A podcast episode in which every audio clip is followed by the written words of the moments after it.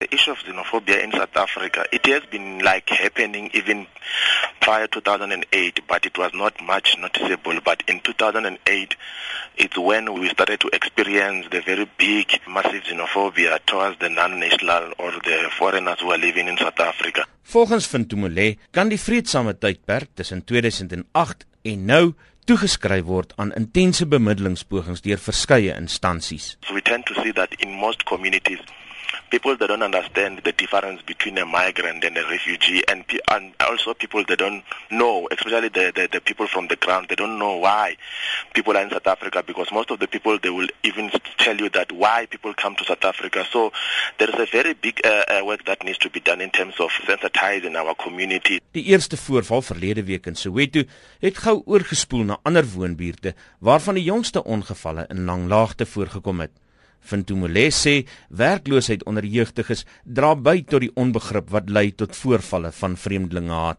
The other groups of people they saw an advantage or they saw an opportunity to also uh, uh, benefit from that and and what's surprising is that uh, when you look at the high number of unemployment when this thing is happening during the day if you can see the large group of people who are looting so that then it tells you a lot in terms of employment of our youth. They saw that uh, there was some messaging to say all the foreign shops should be closed by that time to fearing of that. 'n Groot deel van die buitelanders wat deur die jongste geweld geraak word, is moslems.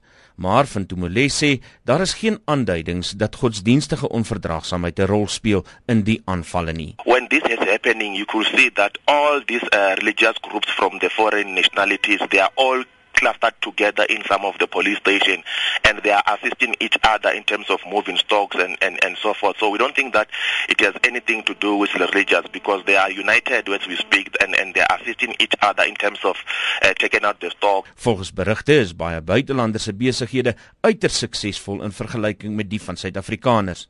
Fintumule sê Kormsa werk daaraan om hierdie vaardigheid deel te maak van 'n versoeningspoging in gemeenskappe omdat dit tot voordeel van die hele gemeenskap kan wees aangesien buitelanders staanplek van Suid-Afrikaanse burgers hier. Dit dra by tot 'n ekonomiese inspuiting vir inwoners. We think it has to do with some of the business skills. Uh, we are not saying that South Africans they don't have business skills. Uh, I mean if we can have the collaboration between the local business people and the foreign nationals and we start to have dialogue in terms of how do you make your business successful and how do you run your business, I think we can then benefit the both uh, uh, locals and, and, and the non-national. Dit was te Fulufelo van Tumole van Kormsa. Ek is Isak Du Plessis in Johannesburg.